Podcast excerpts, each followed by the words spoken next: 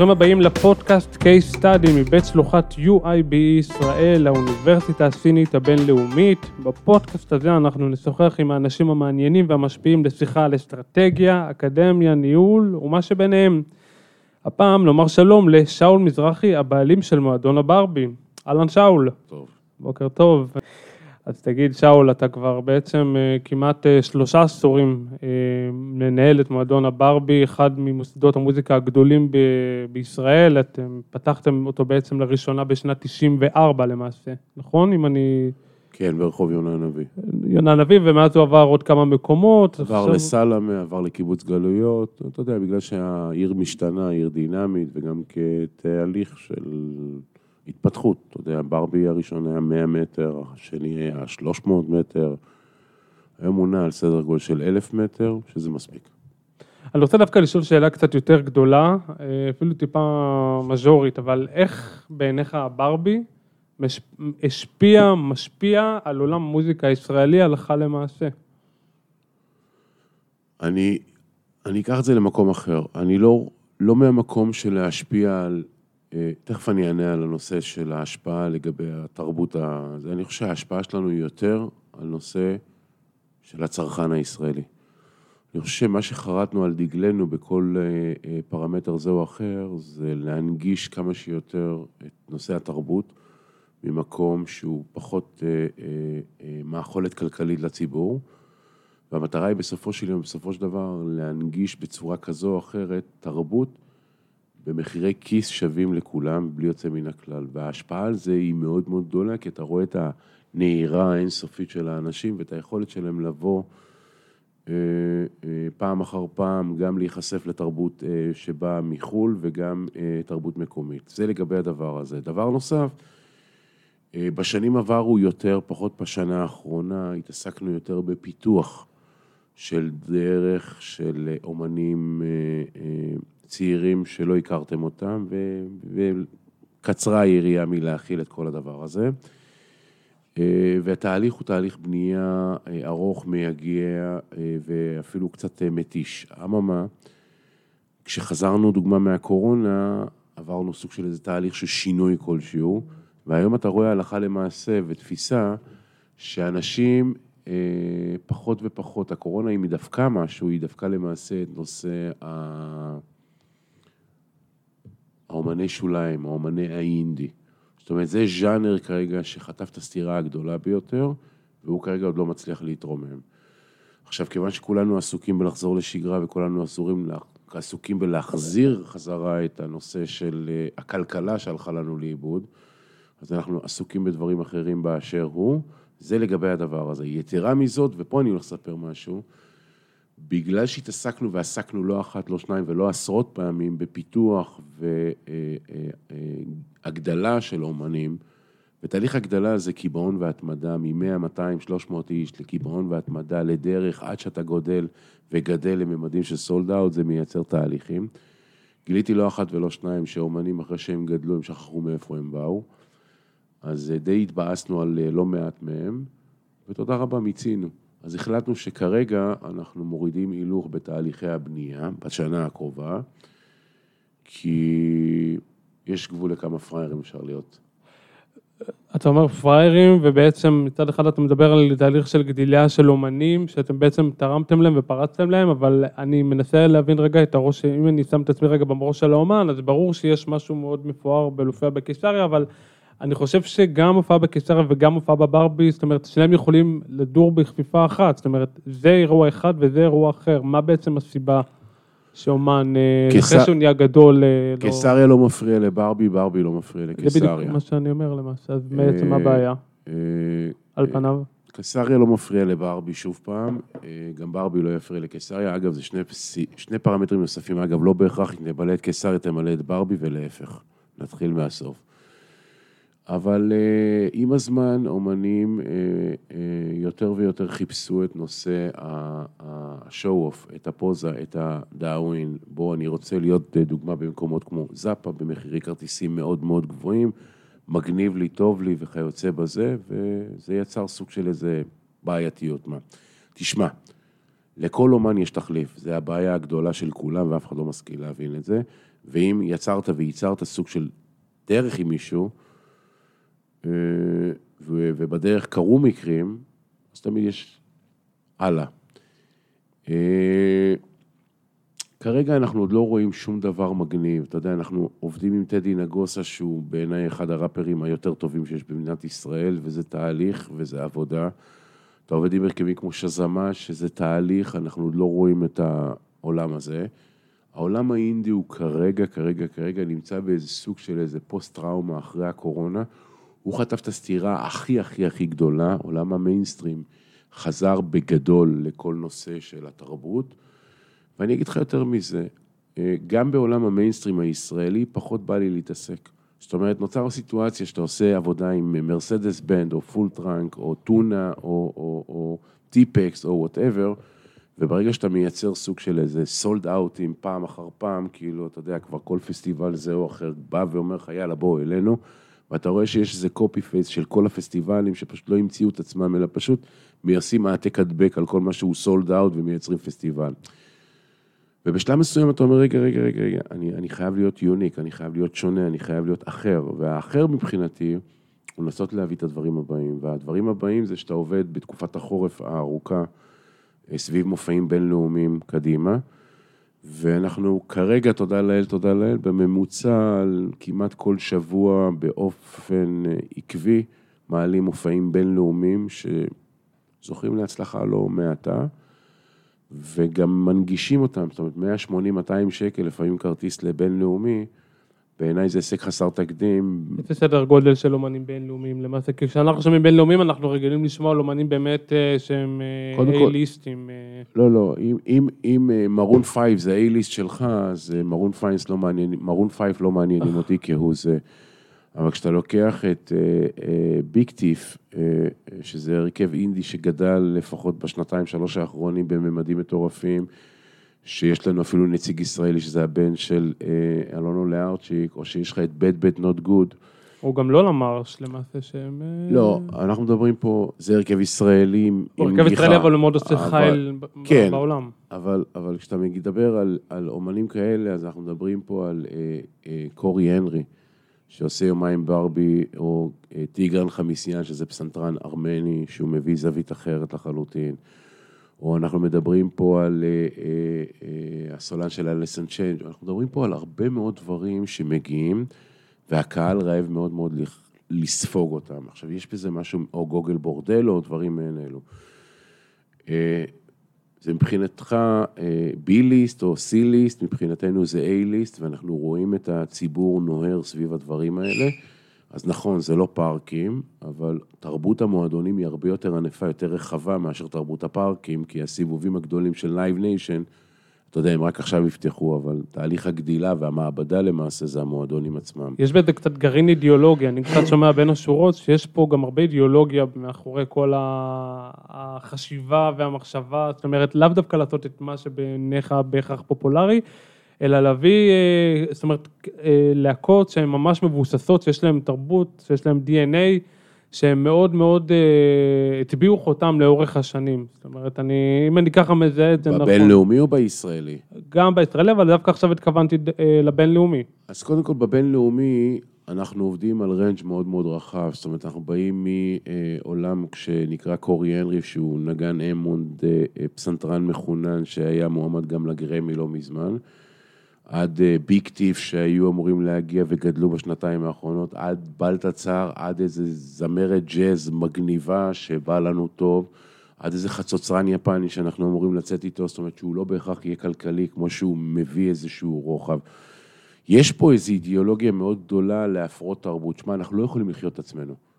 אם נחיה את עצמנו, ניקבר בתוך עצמנו. אנחנו לא יכולים כל הזמן. אגב, אתה שלוחה סינית, כן, בתוך פתח תקווה, עם זווית, אה, לא יודע מה, של תפיסה סינית או, או, או משקל סיני, לא יודע מה, באוניברסיטה לפי התוויית דרך, אנחנו לא יכולים לחיות את עצמנו כל הזמן. זאת אומרת, אני חושב שאנחנו לא מספיק שנים שיכולים כרגע להיות אה, מה שנקרא אה, ראש בעולם ולא לזנב, כי בעצם אנחנו בעצם בתרבות, סוג של תרבות חיקויים לצערי הרב. בגדול, מה שאנחנו מדברים פה, יש לך תרבות מאוד מאוד גדולה וענפה של פסטיבלים שנמצאים באירופה, ואם אתה מסתכל על מה שקורה באירופה, בפסטיבלים, אנחנו עושים הפרטה של האומנים האלה ומגיעים ומביאים אותם אלינו.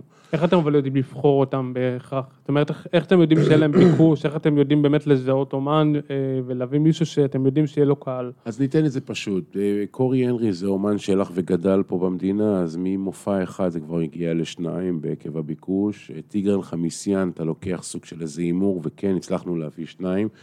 לצערי, לדאבוני הרב, במרץ הוא בוטל, כיוון שאחרי שמכרנו קרוב ל-1,600 כרטיסים, כי הוא היה מאומת, אז הוא יחזור באוקטובר. אה, איך אתה יודע? סך הכל זה הימור. בסופו של יום, בסופו של דבר זה הימור. לא, אבל זה אינטואיציות שלך בתור מי שבשוק המון שנים. אתה עושה בדיקות אה, ספוטיפיי, ואתה בודק אה, כניסות, ואתה בודק האזנות, ואתה בודק אה, יוטיובים, אתה בודק, יש לנו מלא מלא פרמטרים באשר הם. מעניין, כי אתה כבר, כאמור, אתה כבר שנים בתוך כל התעשייה. ספוטיפיי וכל הסטרימינג, שגם על זה תכף נדבר בהרחבה, אבל זה כלים שהם יחסית חדשים. ועוד לפני שהם נכנסו לתמונה, איך בעצם ידעתם אה, לאמוד אה, פופולריות של אומן, אם באמת אתם רוצים לפתוח בשבילו את הזאפה, ואני גם אוסיף, שאני יודע שגלגלצ הרבה מאוד פעמים, אני בכוונה נותן אותם כדוגמה, כדי להכניס אומן לתוך הפלייליסט, או בכלל אה, להבין את הממדים של הפופולריות שלו, הם מסתכלים על הספוטיפיי, על השזם ועל כל האלמנטים הללו. אז... ואני שואל מה היה לפני. אז קודם כל, לפני לפנים היינו שואלים, מתעניינים, בוחנים, בודקים, היינו מתעניינים אצל עיתונאי תקשורת אה, בתרבות, אה, והיינו מבינים ומנסים. לטעות ולטעות זה חלק מהמהות בעיניי. אה, אין מאה אחוזי הצלחה, בואו נשים את הדברים על דיוקם, אבל עוד פעם, בסופו של יום כשאני מגיע לברבי זה עד אלף איש לכל היותר, אני לא הולך על מה שנקרא פארק, ואם אני חוטף את הסתירה אז אנחנו נחטוף אותה יחסית מינורית, זה לגבי הדברים האלה. אבל יש חשיבות מאוד גדולה בלהביא תרבות שהיא קשה, זרה מבחוץ, כי בואו, אנחנו לא פופולריים, BDS מנגח אותנו ברמות מטורפות, כן? לא רוצים להגיע לפה, כדי שהם יגיעו לפה, האומנים, אנחנו משחדים אותם בלא מעט כסף באופן יחסי, נותנים להם לא מעט סכומים אה, גבוהים, בגלל זה מחירי הכרטיסים פה יותר יקרים.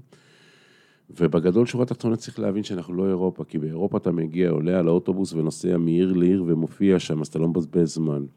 פה בישראל, כדי שההפקה תגיע, עולה 5,000-6,000 דולר, פחות או יותר ליום, כי היא מנותקת לחלוטין מאירופה והצוותים עולים להם לא מעט כספים, ויש להם עם זה בעיה. זאת אומרת, עלויות להגיע, להביא לפה לישראל הן הרבה הרבה יותר גדולות. זאת אומרת, אם יש, דוגמה יוון, יש טורקיה ויש ישראל, אז אתה בסבב של מזרח תיכון.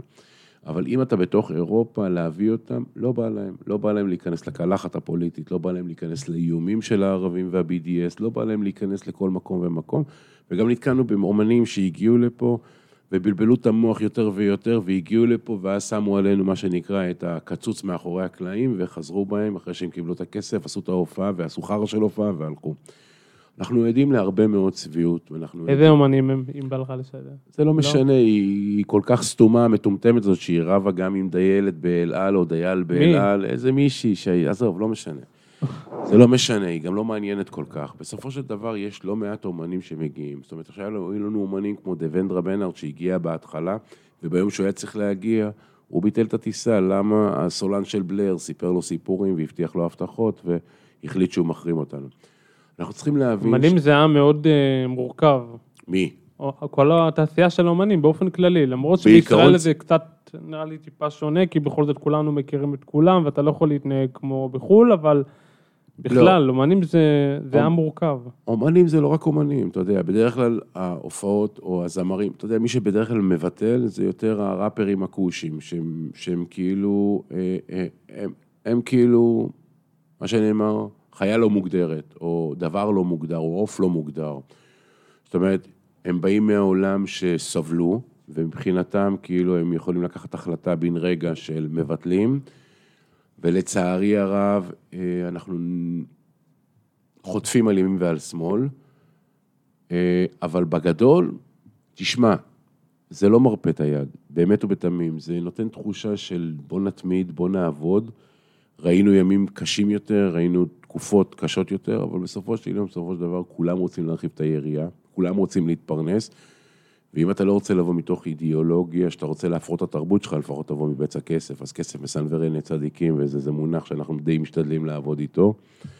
ולצערי הרב, בגלל זה חלק ניכר מההפקות אה, מחירי הכרטיסים הם אה, לא זולים, זה הבעיה. אתן לך איזה דוגמה יפה, סיגרט אפטר סקס זה הרכב שהיה בברבי שלוש פעמים לערך, וכשהוא הגיע לארץ הוא בשנים האחרונות גדל לממדים, ואז הוא כבר ביקש מהמפיק להגיע למקומות כמו האנגר. אז הוא הלך ועשה האנגר, ומחיר הכרטיס היה קרוב ל-200 ומשהו, 290 שקלים. טוב, אבל זה גם, ב... זאת אומרת, זה הכל גדול יותר אה, ביחס ל... אומרת, כן, אבל סגרו שני הופעות עם האומן, ושני האנגרים עם האומן, אין אפשרות. אין אפשרות. אז זה, זה יכול להיות אנגר שהוא פי שתיים מברבי, וזה יכול להיות ברבי אחד, וזה בסדר. אז זה לגבי הדברים האלה. זאת אומרת, יש משהו מאוד קסום בעיניי לראות הרכבים כאלה, הרי כולם, בלי יוצא מן הכלל, התחילו ברמת המועדונים.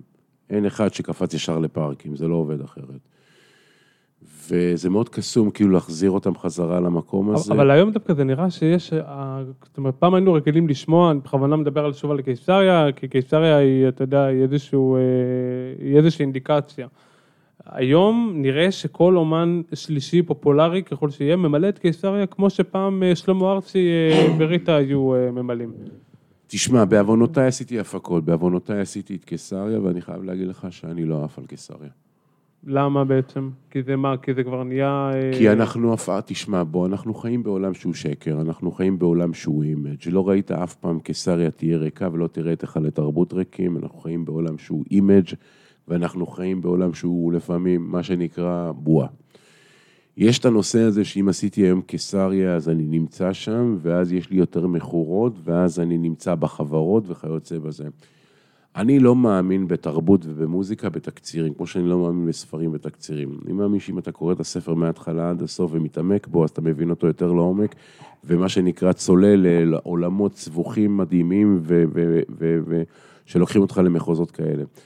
זאת אומרת, אני רואה היום אומנים בני 20-22 עושים קיסריה בהנחיית המנהלים שלהם, בהתוויית המנהלים שלהם, זה בועה, הפכנו להיות משהו שהוא כלום וריק מתוכן. קצת מזנה את ה... זה לא מזנה, יש מערכות יחסי, יש יחסי ציבור במדינת ישראל, שכאילו התפקיד שלהם זה להוציא מה שנקרא את השקר בריש גלי, וראינו לא מזמן אה, הפקה בינלאומית, שכל מה שיבואו וציירו פה סדר גודל של... מכרו 120 אלף כרטיסים, אתן לך את זה בדוגמה מאוד פשוטה, במרון 5. כל התקשורת, בלי יוצא מן הכלל... הוא על 100 אלף, אם אני לא טועה. גם 50 וגם 20 וגם 30, אבל בוא תמתין עד הסוף, תבין מה אני רוצה לומר לך. תקשורת במדינת ישראל הלכה שולל אחרי יחסי ציבור ואחרי מספר שהתוו לה, אוקיי? מהקטן עד הגדול.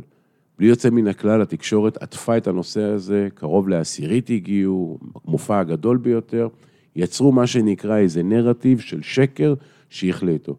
אף אחד מהתקשורת לא עצר רגע לחשוב ולהגיד, רגע, יומיים כוורת בפארק היה 100 אלף איש, במחיר מלא, תכף אני אסביר את זה.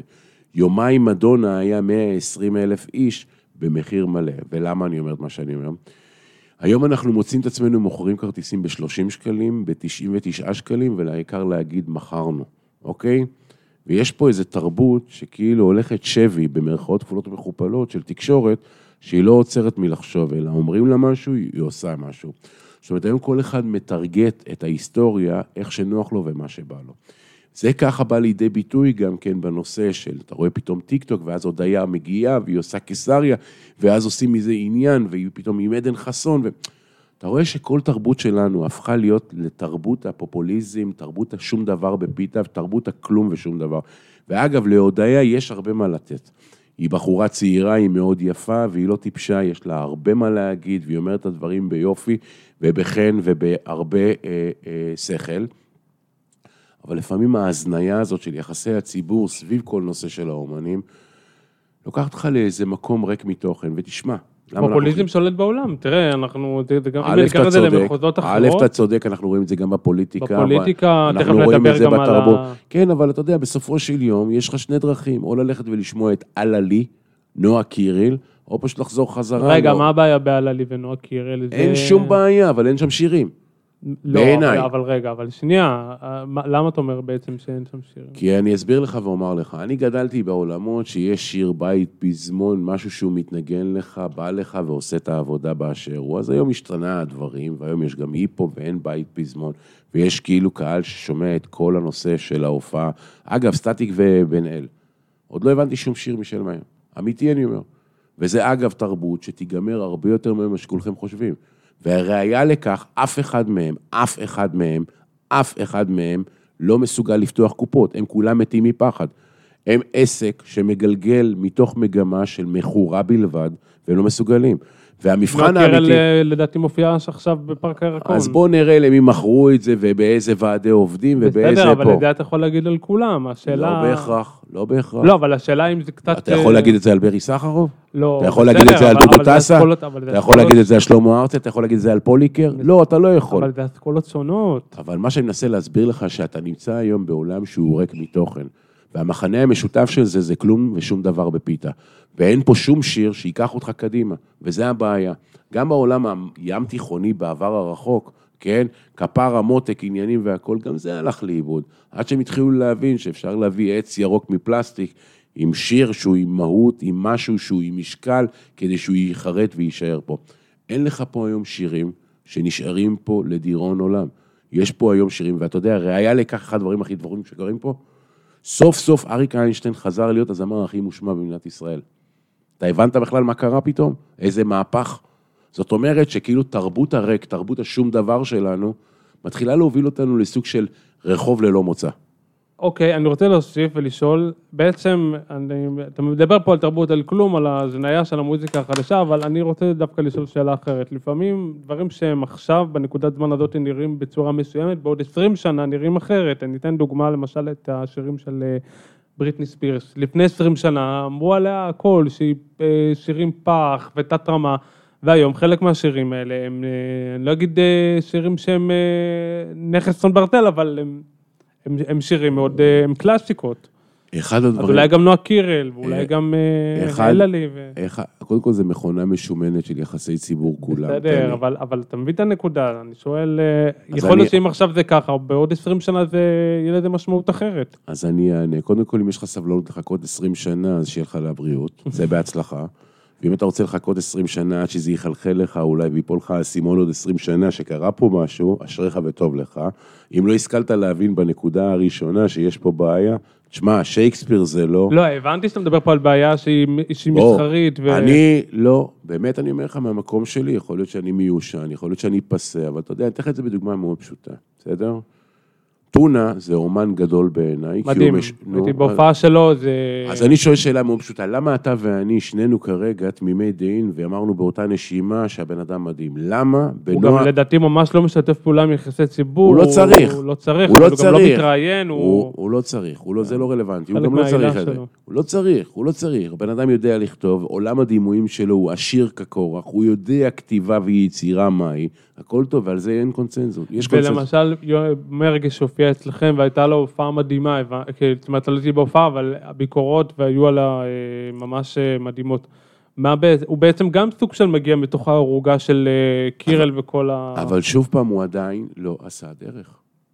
תקשיבו טוב, הוא עדיין לא עשה דרך. אז עשית יומיים ברבי, באותו יום, כפולה, בסדר גמור, היה הרבה אז יחסי ציבור, אחלה, הוא מופיע מעולה, אגב, הוא בן אדם כבן אדם מדהים לכשלעצמו. אבל שוב פעם אני בא ואומר, יש פה איזה, דיברנו על התרבות הזה של לבוא ולכבוש את קיסריות. היום התרבות היא באה ובוא נכבוש את מה שנקרא את הפארק הירקון. עשיתי פארק הירקון. עשיתי, אה, נועה קירל עושה פארק הירקון. עדן חסון עושה פארק הירקון. יחסי הציבור מדווחים על 35 אלף, הנתונים מדברים על 25 אלף. כמה הגיעו, איך הגיעו, מה הגיעו. מה שאני בא ואומר לך, תקשיב לי טוב, אנחנו כל הזמן עסוקים בנרטיב של שקר. ואם אנחנו לא עושים רגע פאוזה, לחשוב טוב טוב אם זה נכון או לא נכון, אמת או שקר, פה הבעיה שלנו. ועל זה אני מלין כרגע. אתה יודע מה? שעדן חסון יביא 200 אלף איש, ונועה קירל תביא חצי מיליון איש, ושכולם יביאו את מה שיביאו, אין לי בעיה. חלאס לשקר, חלאס להנדס את התודעה הקולקטיבית, חלאס לשקר את הציבור. היום כל זב חותם מודיע על מה שנקרא סולד אאוט, והוא רחוק מאוד מזה. היום ממלאים כמויות בלתי נדלות של מוזמנים כדי להגיד עשיתי סולד למה אאוט. זה כל כך מכעיס אותך? הרי בסופו של כי דבר... אנחנו יש איזו חיים בתרבות של. שקר, והגיע הזמן לשים את הדברים על דיוקם. כי הנרטיב הזה ששקר בסוף מחלחל, ואנשים מקבלים אותו כמובן מאוד. למה? כי אתה לא רוצה שהילדים שלך ישקרו לך, ואתה לא רוצה שההורים שלך ישקרו לך, ואתה לא רוצה שהחברים שלך ישקרו לך, ואתה לא רוצה להסתובב בחברה שהיא כל כולה שקר וכזב. והגיע הזמן לעשות נורמות שהן קצת שונות, אחרות לחלוטין. ובשביל השואו-אוף, בשביל השופוני, בשביל הפוזה, אני אתן לך את זה בדוגמה. היה איזה להקה שחגגה לכאורה עשור. עשור! עשרה מופעים בשוני. אף אחד לא סיפר לכולם שכל הדבר הזה היה מכורות לוועדי עובדים. מה אתם מבלבלים את המוח? מה אתם יוצאים בריש גלי כאילו אין מחר? מה קרה? מה קרה?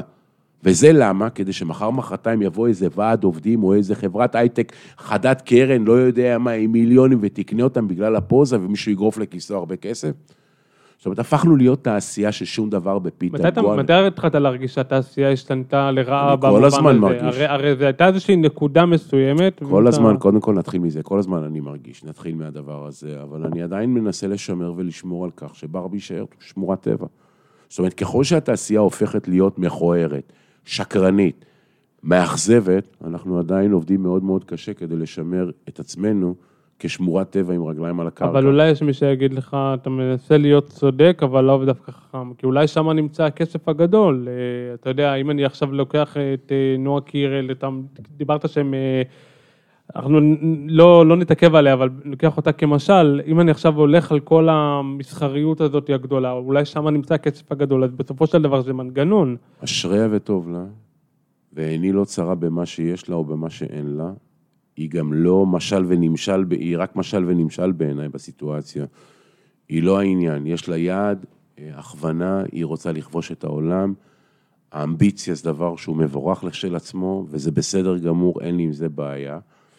אבל אה, תשמע, ראיתי לא מעט מפיקים, לא מעט אה, אה, משרדים, לא מעט אה, הפקות, שניסו לעשות קיצורי דרך, וניסו להגיע לאן שלהגיע, בדרך לא דרך, וזה לא קרה. אני לא מאמין בקיצורי דרך, ותשמע, אני לא בזה. היא לא ה-DNA שלי, כשם שאני לא ה-DNA שלה, וזה בסדר גמור. אני, אגב, אחוז ניכר מאומני ישראל לא הופיעו במועדון, וזה בסדר גמור מבחינתי, וזה גם לגיטימי. לא כולם מתאימים אליי, ולא כולם, ואני מתאים את עצמי אליהם. אבל בסופו של דבר, כשאתה מגיע ערב-ערב למופעים במועדון, ואתה רואה מי הקהל, ואתה רואה אנשים מדהימים. לפני יומיים, שלושה, היה לי הופעה של טונה, ומסתכל עליי איזה בן אדם כפולה, גם שישי צהריים וגם ערב. ועומד לידי איזה בחורצ'יק ואומר לי, תקשיב, המועדון שלך באמצע ההופעה, אני אומר לו, כן. הוא אומר לי, תקשיב, זה המועדון הכי טוב שהייתי בו ever. פשוט אווירה מטורפת. אמרתי לו, זה לא המועדון, זה העם שלך. זה הציבור שחי בקרבך. ובזה אני מאמין, שאם אנחנו כציבור נצליח להתעלות מעל עצמנו ולהוביל מהלכים טובים, נהיה עם טוב יותר, חכם יותר, מניב יותר, מגיב יותר, ולא, ולא נש- נש- נשאב לדימויים השליליים שלנו. וזה התפקיד שלנו בסופו של יום. לקחת אנשים שעברו איזה טלטלה או כברת דרך אה, בשבוע בחודש, whatever, ולקחת אותם לאיזה שעה, שעה וחצי של ניתוק לחלוטין, ולהוביל אותם למקומות אחרים. שיר ברדיו הוא מגיע והולך. חוויית ההופעה היא הרבה הרבה יותר גדולה, היא הרבה יותר עוצמתית. החוויה שאתה נוצר בתוכך בשעה, שעה וחצי שאתה מפליג במקום הזה, הוא בעיניי אדיר. כשאתה נמצא היום ברשתות חברתיות ואתה כבר, השפה שלך הפכה להיות קלוקלת, או היכולת ההתבטאות שלך היא כל כך מינורית ברמה של אה, ערה, פנוי, פנויה, הכל הפך להיות כאילו, אתה יודע, כשאתה מגיע למועדון, ושמונה וחצי אתה פותח דלתות, עד השעה עשר אתה רואה mingling ברחוב, כמו שהיינו ילדים והיינו יורדים לרחוב. ואתה רואה אנשים שלא מכירים, מדברים, רואים אחד את השני, אתה רואה שיח, אתה רואה תרבות שהיא שונה לחלוטין, ויש לזה הרבה חשיבות. ואתם לא מייחסים חשיבות שהיום רוב רובם של הדיאלוגים בינינו הפך להיות אמוג'ים. תקשיב, שיחה כנה, שיחה פורה בין בן אדם לחברו, זה אחד הדברים הכי מטורפים והמדהימים שיכולים להיות, שזה כבר לא קיים. אז אתה אומר לי על מה אני מדבר? אני מדבר איתך על הפשט. אני בא מעולם של פשט, שיחה כנה זה דבר אדיר. שיר גדול, יש עליו. הוא שפה בינלאומית, הוא יכול לפלח לבבות. אז על מה אתה מדבר איתי? על מה אני מבקש ממך? מה, על מה אני מלין? אני חושב, אחת ההופעות אולי הראשונות שראיתי זה היה אה, אצלכם של אביתר בנאי, שבכלל אני חושב שהוא, אה, יש, יש לו ממש אה, חלק באתוס הזה שנקרא ברבי, הוא באמת אחד הזהויות, אחד הדבר, אחד האמנים שהכי מזוהים עם, ה, עם המועדון. ואני ראיתי הופעה שלו גם כמה חוד- חודשיים, שלושה אחר כך בהיכל התרבות, והחוויה הייתה שונה. משהו בברבי היה הרבה יותר אה, עוצמתי, הרבה יותר אינטימי, זה ברור, אבל אבל היה שם עוצמה ש... אז אני אגיד. לך, טוב שנגעת בזה, אני אסביר. לא אני אגיד את זה, גם המפיקים יגידו וגם האומן יגיד. לא ראית הופעה של אביתר בברבי, או לא ראית הופעה של טיפקס בברבי, או לא ראית הופעה של טונה בברבי, לא ראית הופעה של האומן. אנחנו מנסים תמיד לייצר חוויה שהיא שונה לחלוטין במהות, ולמה? בברבי אין שום דבר, בברבי יש קהל ויש אומן. האומן רואה את הלבן בעיניים של הקהל, ואם הוא מרגיש שהוא, מה שנקרא, אה, לא, לא ב-BPM הנכון, הוא רואה את זה הלכה למעשה. אין לו לאן ללכת, המופעים הם מופעי עמידה, האנרגיות הן אנרגיות משוגעות, זה מקום אינטימי עד אלף איש לכל היותר, לא מעבר לזה, וזה מקום שמייצר את הדבוקה הזאת. עכשיו, אצל אביתר, התחושה תמיד שאתה נמצא בבית כנסת חילוני. זאת אומרת שהוא מייצר בין המזרח לבין המערב, בין הצפון לבין הדרום, הוא מייצר סוג של איזה דבוקה. פעם הוא אומר לי, תקשיב, ניסיתי לראות איך אני עושה העתק הדבק על האנרגיות הקיימות במועדון, שאר המקומות, ולא הצלחתי לתרגם את זה. לא הצלחתי. אחלה. תודה לאל, נפלא. אנחנו עדיין מצליחים בצורה זו או אחרת לייצר משהו במועדון שהוא יוניק. אבל אני חושב שאנחנו עובדים מאוד מאוד קשה כדי שזה יקרה. ולמה? כי אנחנו לא מחפשים את סיר הבשר, אנחנו לא מחפשים למכור אוכל, אנחנו לא מחפשים להיות מסעדה, אנחנו מחפשים לייצר תרבות, אנחנו מחפשים להביא מופע גדול, מופע עם סאונד נכון, מופע עם תאורה נכונה, מופע עם כל הפרמטרים שבן אדם מגיע ובמחיר הנכון, ובעיניי זה החשיבות של הדברים. כשאתה מנסה להיות גם, גם, גם, גם, גם, גם, גם וגם, אתה הופך להיות כלום ושום דבר, וכלום ושום דבר מגם וגם וגם וגם. ולצערי הרב, המטרה שלנו להתמקד רק בדבר אחד, ולעשות את זה בצורה הטובה ביותר. ככה אנחנו רואים את זה. בואו נדבר קצת על הקורונה, אנחנו זוכרים את התקופה הזאת כתקופה באמת אה, אולי הקשה ביותר לתרבות, אתה גם היית, הפכת מהר מאוד לאחד הדמויות הכי אה, מיליטנטיות אה, של השעה, אתה הובלת את המאבק של התרבות, של סגירת מוסדות התרבות, אתה האמנת אי פעם שאתה אתה עדיין מעכל את מה שעברת שם, או שאתה, מבחינתך זה כבר היסטוריה רחוקה? א', זה היסטוריה. דבר שני, לא רק התרבות עברה, אני חושב שהמדינה עברה, העולם עבר. לא, המדינה, אבל, אבל היה משהו ספציפי בתרבות, שהייתה תחושה שהוא פשוט אה, נשכח מאחור. זה לא תחושה, זה חד משמעית היה. נכון. אנחנו שנה וחמישה ימים היינו סגורים, מועדון ברבי היה סגור חמישה ימים. עד תחילת שנה גם הייתם סגורים, נכון? כי בינואר, אחרי שכבר על פניו חזרנו לשגרה, אתה גם היה... אנחנו אתה... חזרנו במרץ. אנחנו חזרנו במרץ. אה, תשמע, אני אגיד לך מה, אני, אני עקבתי, אה, ועקבתי בדאגה, אה, ונחרדתי ממקבלי ההחלטות. דיברנו על הפופוליזם מקודם, דיברנו על החוסר יכולת להבין דברים.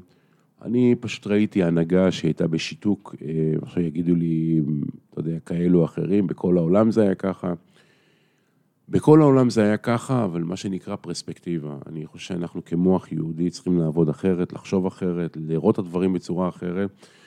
ולצערי הרב, החשיבה, הראייה ומקבלי ההחלטות לקו באיזה סוג של איזה תסמונת ה- האינפנטיליות בהרבה מבינים ובהרבה מקרים. זאת אומרת, היינו צריכים לצאת לרחוב כדי שיביאו לנו פיצויים. היינו צריכים לשבות רעב כדי שידאגו לנו, ולמעשה היינו צריכים לדרוש בכוח, כן, את מה שהבטיחו לנו והתנערו מאיתנו. וזה בעיניי הדבר הכי חמור שקרה בתקופה הזאת, ואני חושב שפשוט עשינו את זה, נרתמנו. איך, איך, זה היה, זאת אומרת, אתם, הייתה לכם איזושהי אסטרטגיה לכל הניהול של המאבק הזה, או שזה היה יותר אה, אין אסטרטגיה? בוא, היה את ועד הפעולה שעשה את שלו, אני עבדתי עצמאי, לאורך כל הדרך שלי עבדתי עצמאי, אני חייב לומר לך במאמר מוסגר, או שכבר לא, שכולם שמו רגליים אחד לשני, כי אם אני יוצא לשביתת רעב, אז אנחנו לא נעזור לו ואל תעלו לתמוך, וכן תעלו, כל אחד חיפש את העניינים שלו. אני באתי ממקום תמים, אה, ובאתי ממקום של לדרוש את מה שמגיע לנו. ולנו זה לכל העצמאים, לנו זה לכל העצמאים באשר הם, כי הבטיחו לנו. אני לא התייחסתי או ייחסתי חשיבות, לא באתי עם איזה נרטיב או עם איזה מה שנקרא סל מוצרים כדי למכור את זה בטלוויזיה. באתי ממקום כנה ואמיתי ואמרתי את מה שיש לי, לא חשבנתי, לא לוועד הפעולה, לא חשבנתי לשום שר, לא חשבנתי לאף אחד, אמרתי את מה שיש לי על הלב, ויכול להיות שזה מה שגרם להצלחה של הדברים האלה. מה שכן, שיוצאים מהלב ונכנסים אל הלב. לאורך כל הדרך באשר הוא, פשוט התנערתי מכולם, עשיתי לעצמי אה, דרך משל עצמי, ופילסתי את הדרך לכאורה בתקשורת בגלל היכולת או ההתבטאות, או יכול להיות שהנרטיב הזה של הזעם האמיתי, שבא ממקום כן עשה את שלו. מה למדת על הפוליטיקה בישראל בתקופה הזאת? בכל זאת. זה לא פוליטיקה, אני כי אגיד אתה לך... ראית, היית גם, זאת אומרת, גם התנהלת מול הממשלה הזו וגם מול הממשלה הנוכחית בעצם. אני, אני אגיד לך מה, אני, אני הולך להפתיע אותך. אני לא חושב שלעולם נראה ראש ממשלה טוב למדינת ישראל. אני לא חושב שלא ביבי ולא בנט ולא אחריו שיגיע ואחריו אחריו שיגיעו, הם כולם במונח פופוליסטים, יביאו את הנרטיב, יספרו לנו סיפורים לפני ולפנים, וכשיגיעו למ- למציאות ולתכלס, אנחנו נמצא את עצמנו בסיטואציה ששום דבר לא קורה, והרבה מההבטחות זה עד שלא ישתנה פה שיטת הממשל, עד שלא יהיה פה חשיבה אחרת, עד שלא נהפוך מ-12 השבטים לאיזה שניים, שלושה שבטים, עד שלא יעלו את מה שנקרא, את אחוז החסימה, כן, בנושא של הדבר הזה, לא יהיה פה שום שינוי. אני חושב שהיכולת שלנו להשתלט, כן, על מה שקורה פה במדיניות הקיימת, במשילות הקיימת, זה הדבר הרע ביותר. עכשיו, למה? כדי לסתום את הפה לדתיים, שייתנו לך את הכוח, תעשה את הפעילות ואת העבודה, אתה משחרר אותם בכסף. כדי לסתום את הפה לזה, אתה משחד אותו ונותן לו כסף. בסופו של דבר, הכל מתחיל ונגמר בשילומים לצערי הרב וכיוצא בזה. אין שום ראש ממשלה, שום שר, שום דגנרט שיושב בממשלה ובכנסת שאכפת לו, אכפת לו מהציבור הרחב. הוא לא מסוגל לא להשפיע, לא לשנות כהוא זה. הוא יגיע, הוא יתערבב. קח את זה דוגמה ככה. אמסלם הוא לא בן אדם טיפש. אמסלם הוא לא בן אדם טיפש. אם אתה יושב איתו אחד על אחד, בלי קללות, בלי דיבורים נגועים, הוא אומר לך דברים חכמים, אבל כדי שהדבר הזה יצא החוצה ושיקבל את, הביט... את, ה... את ההיילייט, את הכותרת, הוא חייב להקצין את זה כדי להתבלט. ולצערי הרב, אנחנו מגיעים שוב פעם לפופוליזם, כן, המכוער הזה, וזה הבעיה. וזה זולג. וזה הבעיה. עכשיו בוא, בסופו של יום אני לא סומך לא על מירי רגב, אני לא סומך לא על אה, קיש, ואני לא סומך, במיוחד, אתה יודע, עם הסיפור של החיילים ומה שהוא עשה. אני לא סומך על אף אחד. אני חושב שאנחנו עם פראייר, אני חושב שאנחנו עם שצריך לקום, לזעוק ולצאת החוצה לרחובות ולשרוף כל דבר שזז פה באשר הוא מסיבה מאוד פשוטה. אם אנחנו לא נתעורר על החיים שלנו, החיים יכסו אותנו ויטביעו אותנו. רמת החיים פה היא גבוהה, אין לנו אופק, אין לנו עתיד לילדים שלנו, ואין לנו שום מה שנקרא אה, דבר שאני יכול להסתכל עליו ולהגיד, בואנה, יש על מה להילחם פה. אחת הבעיות הגדולות בעיניי, שפוליטיקאים מגיעים למקומות שלהם, הם נשארים במקום שלהם ומחפשים את השקט, ומחפשים את המשילות, ומחפשים את השררה, ומחפשים להצניח, לצערי הרב, את כל הנושא של מה שנקרא אנשים, ולאייש תפקידים בכירים באנשים סתומים ומטומטמים, לצערי הרב.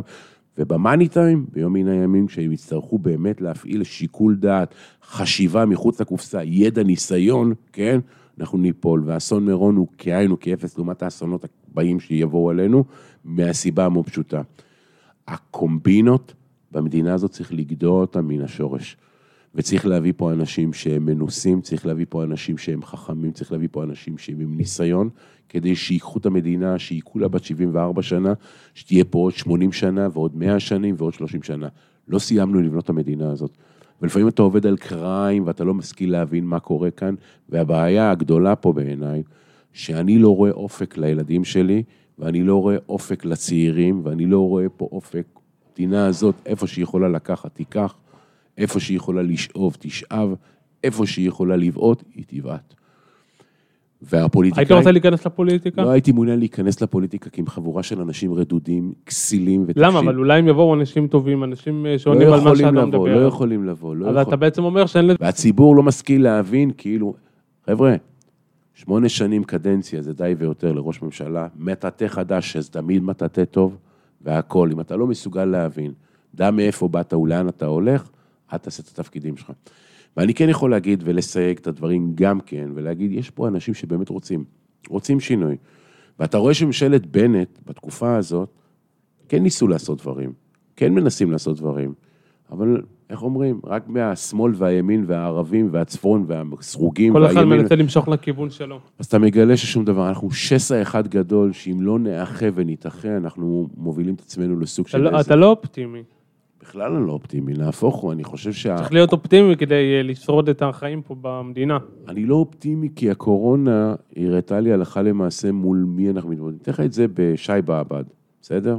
הוא היה אז אה, ב- במשרד של האוצר. נכון, החשב של האוצר. הוא בז לנו, זלזל בנו, בעט בנו, התנער מאיתנו לאורך כל תקופת הקורונה. כשהבן אדם הזה יצא מהתפקיד שלו, כן, היה חוכמת הבדיעבד, הוא יצא אז בתקש... בכותרת, ברור שהם צדקו, ברור שמגיע להם, ברור וברור ברור. חוכמת הבדיעבד לא מעניינת את התחת של אף אחד מאיתנו. במאני טיים אתה צריך לבוא ולעשות. מצד שני, בואו נתח את זה באחרת. כחלון עשה את מה שנקרא הרפורמה של הסלולר, שהיטיב עם עם שלם. להמשך, הוא עשה מה שנקרא את הסיפור של ה... איך קוראים לו? של אה, אה, הדירות, הבתים, נכון? נתן אה, הגרלות, עניינים והכול. אוקיי, כן, אתה מדבר על מחיר למשתכן. מחיר למשתכן, אני חושב שזה הוא הביא את זה, אם אני לא טועה. אסטרטגיה, נכון. יפה.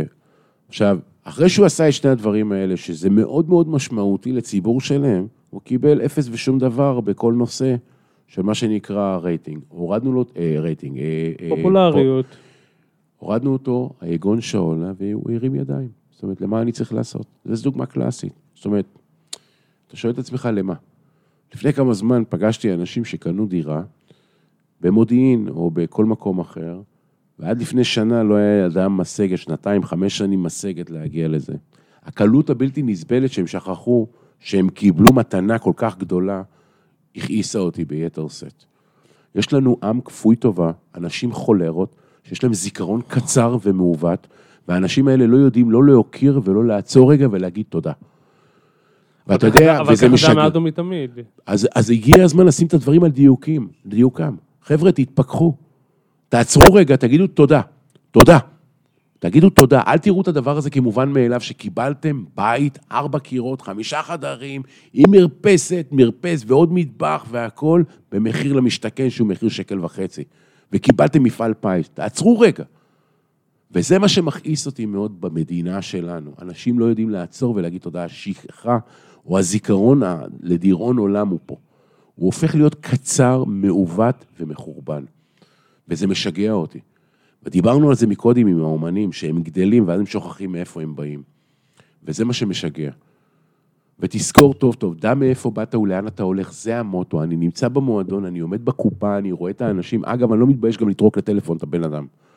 אם סרחת, דיברת מכוער, דיברת אליי כאילו אני איזה עבד שלך, אני אטרוק לך את הטלפון. למה? בלי שמות, אבל יש איזה אומנים שיצא לך למחוק אותם, שהם ברשימה שחורה, שהם לא... יש לי לא מעט אומנים, תשמע, אני בן אדם עם המון אמוציות, לטוב ולרע, אני מניח שאפשר להבין את זה, לטוב ולרע, אצלי אין גוונים, או שחור או לבן, אוקיי? אבל תקשיב לי טוב, שנידונת לכף הזכות אצלי, זה עולם ומלואו, אתה תקשיב, אתה עולם ומלואו בעיניי. אבל כשאתה יודע, אני מכיר את האנשים מאחורי הקלעים. כשאתה מכיר את האנשים, אתה יודע מתי אתה מכיר את האומנים יותר? בבלנס לפני ההופעה. ההופעה היא, אתה יודע, עברת את ה... איך אומרים? את השלב. אבל זה לא משנה. בסופו של דבר לא צריך לריב עם אף אחד. טוב לי שאנחנו נעבוד ביחד, אחלה, לא טוב לי, לא קרה שום דבר, זו בחירה שלי. וזה בסדר. טוב לך שנהיה ביחד, סבבה. לא, האנרגיות לא מתאימות לי, תודה רבה וזה בסדר. אין לי גם בעיה רוב. האומנים אבל הם בסדר, לא הם... אה, מה זה אומנים? אומנים זה ציבור, ציבור זה אנשים, אנשים זה בני אדם, שכל אחד יש לו את הסרט שלו, את החבילה שלו ואת הארון שלו, וכל אחד יש לו את הפלוסים ואת המינוסים שלו. בסופו של דבר אתה עושה שיקול, מה אם הפלוס יותר גבוה מהמינוס. בסופו של דבר אנחנו מתעסקים פה באומנים, נפש, כן, שברירית, כן, נפש שהולכת לאיבוד. אל תשכח עוד דבר, אתה יושב מול אלף איש שמעריצים אותך, מחכים לך שעות על גבי שעות, קשה לו ללכת לאיבוד בדבר הזה. בואו, בסופו של דבר. אני מנסה תמיד לחפש את האמת. גם אם האמת היא קשה והדרך היא דרך חתחתים, וואלה, אם אני מצליח או לא מצליח, זה הזמן עושה את שלו. עדיין 28 שנה אנחנו עושים את העבודה שלנו, עדיין עובדים מאוד מאוד קשה. עדיין אני קם בבוקר, הולך למועדון, עושה שיבוצים, עושה הזמנת סחורה, עושים את הניקיונות אם צריך לנקות, עדיין עובד בקופה עם הבת שלי, עדיין מעביר את השרביט לילדים שלי וכיוצא בזה. עדיין הצוות הוא צוות מצומצם כדי שהשליטה תהיה מלאה, ועדיין עושים הכל כדי שיהיה מחיר שהוא יהיה בגובה כיס, שלא תשלם על הפוזה, על הדאווין ועל שום דבר. ויש לזה חשיבות מאוד גדולה. ולקראת אה, סיום, איך אתה רואה את שוק המוזיקה, שוק ההופעות הישראלי בעוד אה, עשר שנים למשל? כי אתה לא נשמע אופטימי בכלל. אז אני כן יכול להגיד לך שדווקא בזה אני מאוד אופטימי. אני חושב אוקיי. שאנחנו צריכים לרדת, היגון... לפחות אה, נקודת אור בה. כן, אבל אני אסביר לך איך זה. הרי בסופו של דבר, אתה יודע, אני בניגוד אליך לא מחכה שבריטני ספירס עוד 20 שנה יגידו שהיא וואו. אוקיי. כן, למרות שהיא דפוקה היום מהשורש, אתה יודע, כבר על זה רואים, אתה יודע, כן בהיריון, לא בהיריון, עירום, לא עירום. זה- זה הקטנה שבבעיותיה, כן. כן, אבל בסופו של יום, תשמע, אף פעם לא הייתי מה... גם את מדונה, שראיתי אותה בהופעה, לא, לא, לא יכולתי לסבול שום רגע שם, זה הכל נראה לי קלישאה של שום דבר. תן לי את חוזה גונזלס, הוא תמיד, אתה יודע, איך אומרים, מאכולת בעיניי. המופע הגדול ביותר שראיתי במדינת ישראל ובכלל, זה ליאונרד כהן, ובירכתי לאורך כל המופע את הרואת חשבון, המנהלת שלו שגנבה לו את כל הכסף, שבגין זה הוא יצא להופעה. אה, שעוד זכינו, כמו שאומרים. אני חושב שאנחנו צריכים להגיע לעולם שאין בו שום דבר או ריק מתוכן, אנחנו צריכים שיגיע לעולם שאין לא, אבל- בו אבל איך. אתה רואה? לא מה, אנחנו צריכים, איך אתה רואה אנחנו בדרך ההופעות? לשם. אוקיי. וכדי שתגיע לעולם הזה, אז אנחנו חוזרים אחורה, ואז אתה רואה היום לא מעט חבר'ה צעירים ששומעים בכמויות את יוני בלוך, ומלא חבר'ה צעירים חזר, מה זה? הוא חזר להופיע. ואתה רואה מלא חבר'ה צעירים שמגיעים ורואים את מוניקה סקס. זאת אומרת, אתה רואה שאנשים כאילו עייפו מכל הקלחת הזאת, מכל הסאבת הזאת, מכל האין מילים האלה, ואמרתי לך, ופתחתי בבשורה אחת המדהימות, אריק איינשטיין, שהיא באמת, חזר להיות האומן המושמע ביותר במדינת ישראל. זאת אומרת, חזרנו לשפיות. זאת אומרת, אנחנו צריכים לעבור בסוג של איזה מעגלים, כן? כדי להגיע חזרה לבייס. ואתם תראו שכולם יחזרו לבייס. ולמה? כי אנשים, כי בעיניי אין יותר גדול משיר, כי הוא הרי הדבר שהכי מפלח לך את הלב. ושיר עם מילים ומשמעות, אין על זה. זה שפה. יותר טוב מזה אין. טוב, אז אה, לפחות אה, סיימנו עם איזושהי אה, נבואה אופטימית, ו... אני אופטימי, אל תדאג. אופטימי, אני מקווה. תשמע, זה- זה- זה בוא. היה נשמע קצת פחות. לא, לא, לא. תקשיב, זה שאני פורט קבל עם ועולם את הבעיות, זה עדיין לא אומר שאני לא אופטימי. אני פורט אותם, אני מדבר עליהם כדי לפתור אותם. להבדיל אלפי הבדלות זה שאני לא מה שנקרא מטאטא מתחת לשטיח. אני עובד, מוציא את הרפש החוצה כדי לראות איך אני לא אהיה במקום, בחלקת האלוהים הקטנה שלי, לא נמצא בעולם הזה. ולזה יש חשיבות. אחרי, יכולנו להיות צבועים כמו כולם ולהביא כל דבר שהוא, אתה יודע, זז ימינה ושמאלה מתוך מגמה של, דיברנו על כלכלה? לא, אנחנו מדברים פה על מה אנחנו עושים טוב לחברה הישראלית, איפה אנחנו נמצאים בעולם הזה. הבנת? ואם אתה פותח ואיך אומרים, פורט את כל הפגמים, ואתה מודע להם בעולמי, אז אתה אומר לעצמך, אוקיי, אז בחלקת אלוהים הקטנה, בשמורת טבע שלנו, אנחנו לא רוצים להיות שם. אז אה, אלה היו הדברים עד עד עד כה. אה, שאול, תודה רבה שהיית פה, ואנחנו אה, נהיה איתכם בפרק הבא. להתראות. ביי ביי, להתראות.